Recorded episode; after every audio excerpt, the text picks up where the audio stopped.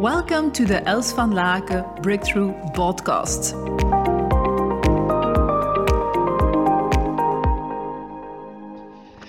This morning I was uh, having a conversation. I was having a meeting with um, a very big company um, on, on, which I'm uh, invited to come uh, to their uh, yearly uh, top 40 meeting in November.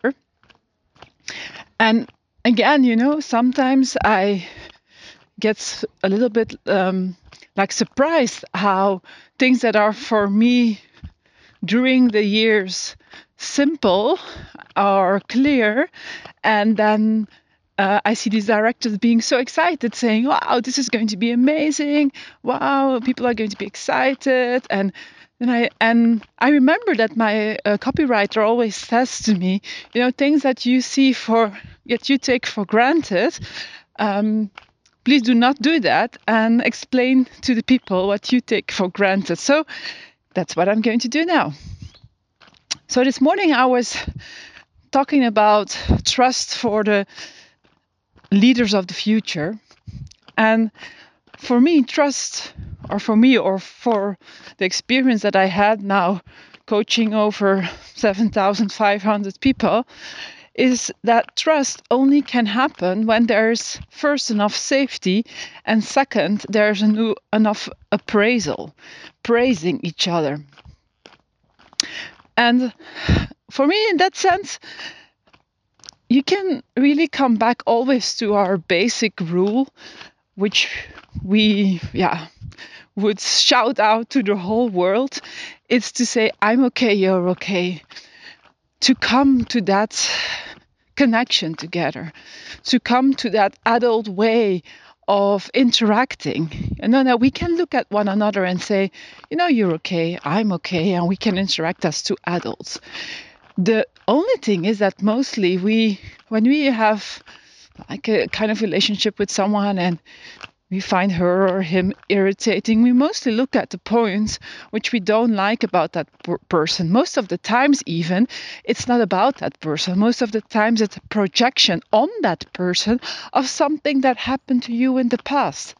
And you don't have to really go and search so far mostly it's your mother or your father, your grandma or your grandpa, or maybe, I don't know, a colleague or a, a boss or someone who has had a certain influence in your life.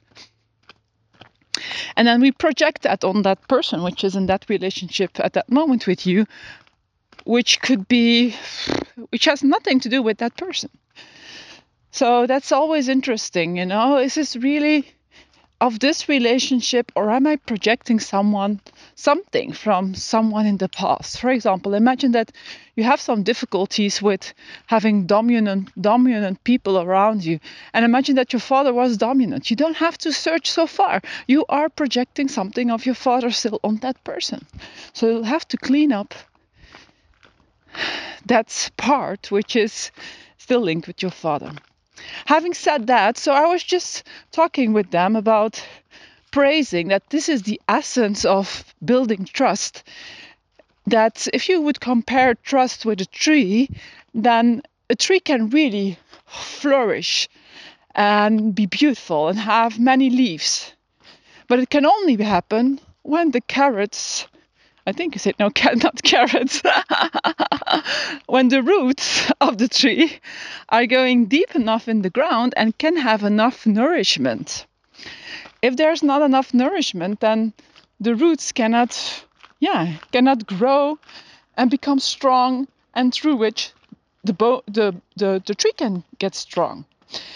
So for for me, um, what I've learned with coaching so many business people is that it always happens when there's first of all safety and second of all enough appraisal. Which means what? What is appraisal? Is really acknowledging what you like within yourself. So first we talk about appra- praising yourself. And on the other side what do you like about the other person? And being so clear about what you like about that other person. I was sending, I would put it on a reel also on Instagram. Like, I like a lot the fact that my children, they are courageous and they are adventurous and they're there to do things that many children do not dare yet on their age. And I like that part about them because I'm also a daring devil. so you probably also like some elements of people around you, but you mostly don't say it directly to them. You mostly say it, you know, in the in the hallway when you're talking to another colleague or you're talking to another entrepreneur and say, hey, you know, I like this person because of this or that.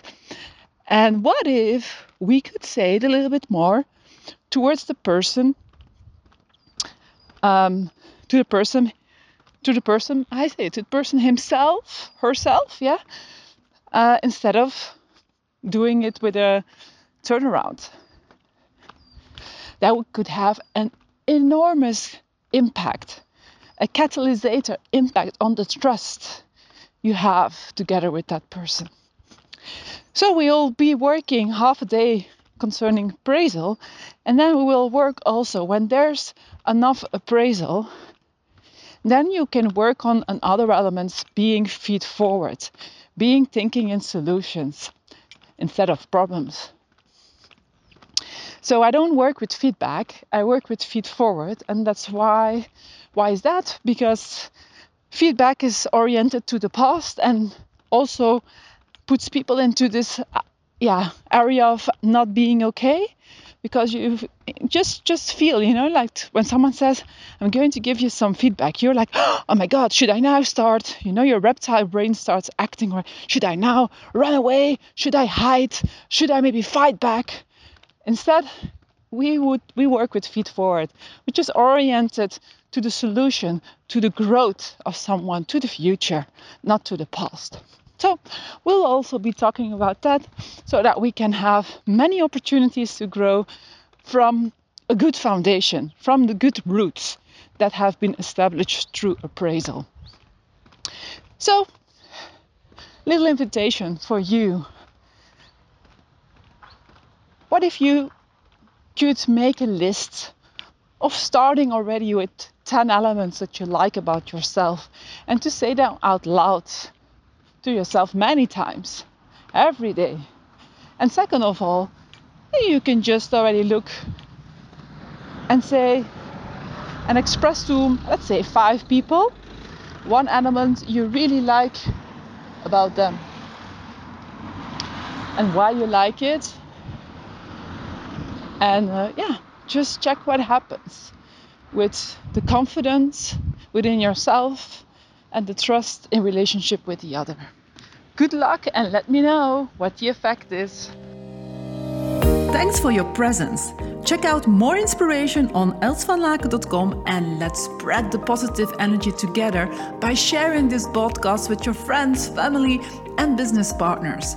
Do you want to contact us personally? That's possible. Just send us a mail on hello at elsvanlaken.com and we answer all mails personally. Talk to you soon!